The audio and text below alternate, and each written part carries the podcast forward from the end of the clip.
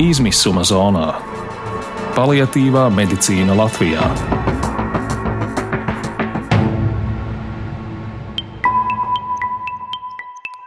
Īstenības izteiksme 15 minūtēs. Vidzemes ziemeļos netālu no Igaunijas robežas atrodas Masalaca. Masalacas slimnīca ir specializējusies palietīvajā aprūpē un pacientu viņiem netrūkst. Mani sauc Kristaps Feldmanis, un šajā projektam izmisuma zonā veltītajā īstenības izteiksmē dodos uz Masalacas slimnīcu, lai skaidrotu, kā pilsētā ar tik mazu iedzīvotāju skaitu jau gadiem izdodas šādus pakalpojumus piedāvāt.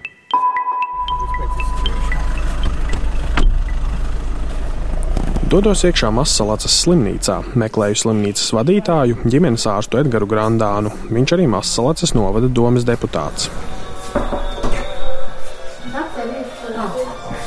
Edgars Grandāns aicina savā kabinetā. Gaitenī virs kabineta durvīm pie sienas piekārtas skaļi skan radio. Grandāns stāsta, ka tas tur esot tādēļ, lai gaitenī esošie nevarētu dzirdēt ārsta sarunas ar pacientiem. Interese par citu masalacas iedzīvotāju veselību esot liela. Pati slimnīca ir salīdzinoši jauna, celta 2000. gadu sākumā. Apmēram tikai 15% iedzīvotāji dzīvo labi iekārtotās mājās. Ja? Un daudzos gadījumos, ja tur ir insults vai kas, un viņam toaletē ārā ūdensvada viņam nav, ja? tā apkopšana vispār mājas apstākļos ir ārkārtīgi grūta, jo faktiski tur tam cilvēkam visu dienu jādzīvo. Viņam jākurina krāsa, krāsa nevar pa piecām minūtēm izkurināt, viņam jānes ūdens iekšā, viņš jāapmaskā, jānes ārā. Grandāns skaidro, ka laukos palietīva aprūpe vēl vairāk kā pilsētās ir ne tikai darbs slimnīcā. Liela loma ir darbam ar tuvinieku pacienta dzīves vietā, kas pēc izrakstīšanās no stacionāra ir iespējami jāpielāgo jaunajiem dzīves apstākļiem. Palietīvās aprūpes virzienu izvēlēties iedrošinājis Rīgas Austrumu Kliniskās Universitātes slimnīcas palietīvās aprūpes nodaļas vadītājs Vilnis Sosārs. Jo parasti kā bija lauku slimnīcās, arī rajonu taisa slimnīcās, parasti šie pacienti bija nu, tādā drusku tādā pabērna lomā, ja, jo vienmēr skaitījās, ka svarīgākais, protams, ir ķirurģiskā, traumatoloģiskā, tās, tās visas nodaļas, kur var sniegt radikālāku palīdzību, un šie slimnieki bija druscīti, es saku, tādā pabērna lomā, ja. Un tad, sākot strādāt, mēs jūtam, ka ir ļoti svarīga šiem slimniekiem attieksme, lai viņi justu, ka viņi šeit ir, nu, kā saka, tomēr tas galvenais personāls, ar kuru tas viss pārējais, kā saka, arī, ka viņš slimnieks ir tā visu tā procesa centrā, jā. Ja? Pārsvarā Masalacas slimnīcas pacienti ir vidzemnieki, bet esot arī pacienti no Rīgas. Te kopā ir 50 palietīvās un sociālās aprūpes gultas vietas. Mēs esam ļoti pārslogoti, ja mums ir diezgan bieži arī notiek tā, kā nevajag, kad pacienti tiek koridorā izguldīti, ja, un visu laiku pēc pieprasījums pēc slimnīcas ir salīdzinoši liels. Edgars Grandāns aicina ekskursijā pa Masalacas slimnīcu un sola iepazīstināt ar personālu. Slimnīcā daudz īsu gaiteņu, koka paneļu sienas. Pirmajā stāvā atrodas ģimenes ārstu prakses, augšā palietīvā aprūpe. Vedot pa slimnīcu, Grandāns stāsta, ka viņi bijuši vieni no pirmajiem lauku reģionā, kas pievērsušies palietīvajai aprūpei. Nodaļā pacienti gan istabiņās, gan arī ar aizkariem aizsaktās gaiteņa daļās. Istabiņās sadalīti pa dzimumiem. Grandāns stāsta, ka kāds pacients vēloties divus televizorus dabūšot. Turpinām ekskursiju. Es atvainojos, bet vilks paliks, tāpēc, ka uh, viņai nav īsti labi. Labi. Tur ir tā, ir ēdam tāpu, bet es saku, vairāk nāk personāls par. Jā. Tā ir Cilvēks ar sociālā gaišu aprūpe, prātu. ja? Tiek aizvest uz nelielu gaišu telpu, kurā pie sienām izvietotas ikonas un krusts. Ir krēsli un pat nelielas elektriskas ērģelītes. Tā ir Masalacas slimnīcas kapela, kurā strādā kapelāne Marta Lulle. Latīņu valodā palija ir apmetnis. Tātad apsekt, sargāt šos slimniekus, lai viņi te būtu mierā, lai viņi var veseļoties, katrā paliatīvā nodaļā vajadzētu būt kapelai un kapelānam. Lūle skaidro, ka paliatīvās aprūpes nodaļā kapelāns strādā ar visiem cilvēkiem, kas to vēlas, un šeit nav svarīgi, vai pirms nonākšanas iestādē viņš bijis ticīgs vai nē. Svarīgākais - kapelāns nedrīkst uzspiest savu klātbūtni tiem, kas to nevēlas. Kas šeit ilgi uzturās slimnieki, viņi mums ir kļuvuši par draugiem, un es zinu, kā ar kuru runāt, un, un jau ar dažiem vārdiem es uzzinu, kā viņam iepriekš jau ir, kā ir juties iepriekšējā nedēļā. Lūle novērojusi, ka šeit Masalacas slimnīcā katrs kapelāna pakalpojums izmanto citādi. Katrā istabiņā atkal ir īpatnēji, vai mēs eh, palūdzamies kopā tēvu reizi. Ir istabiņas, kur sadodas rokās, izjūt tādu ciešu vienotību. Ir istabiņas, kurās eh, mīl, kad nolasa kādu psalmu. Jo svēto rakstu lasījumi tas ir kaut kas tāds īpašs cilvēkiem. Vispār jāsaka, ka šeit mm, pamatā ir gados veci cilvēki. Viņi ir jau no bērnības zinājuši par Dievu, citi ir pat skolā mācījušies, un viņi ir atviegloti, ka šeit ir iespēja nu, neslēpt savu ticību. Viņi ir pārliecināti, ka spēja piepildīt savas garīgās vēlmes ir svarīga cilvēka veselības uzturēšanai.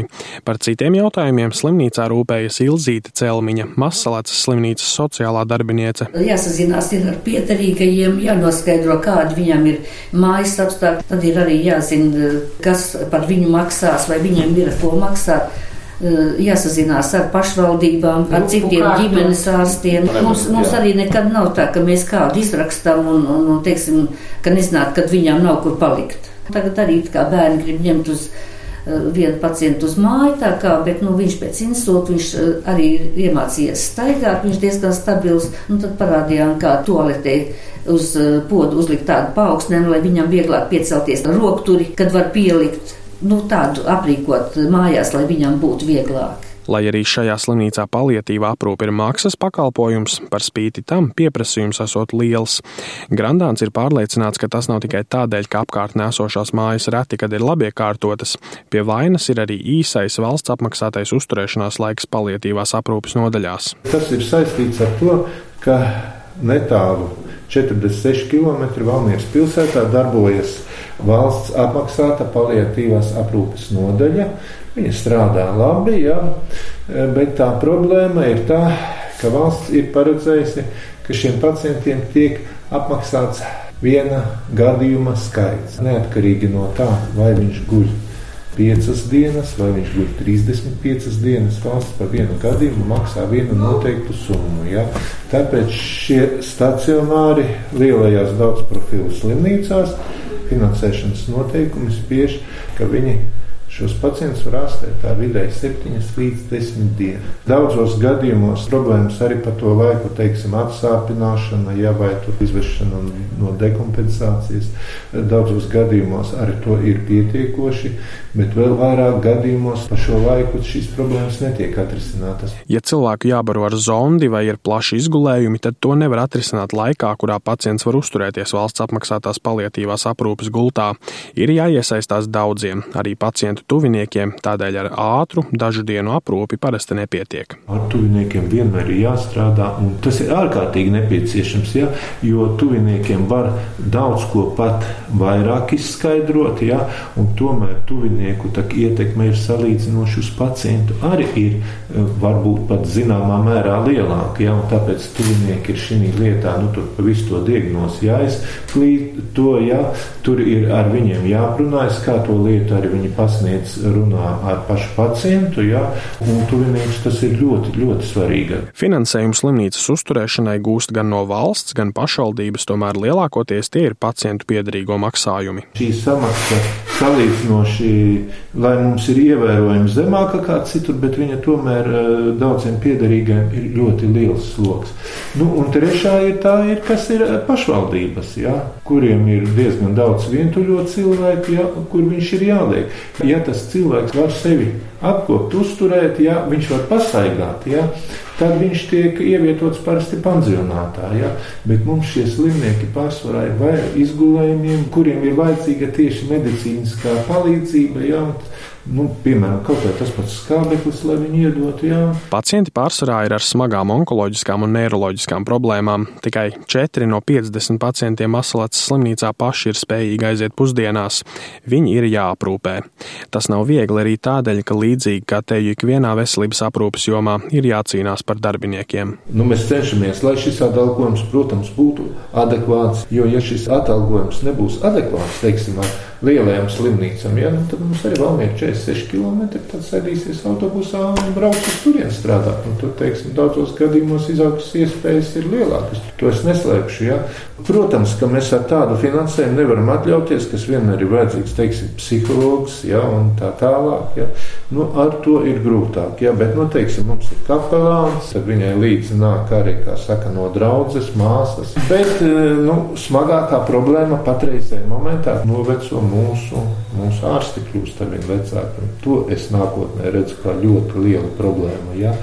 No doktoriem pašreiz, kas slimnīcā strādā, es tikai neesmu pensijas vecumā, un arī nemaz tik tālu viņa nav. Jā, pārējie ir pensijas vecumā. Tā.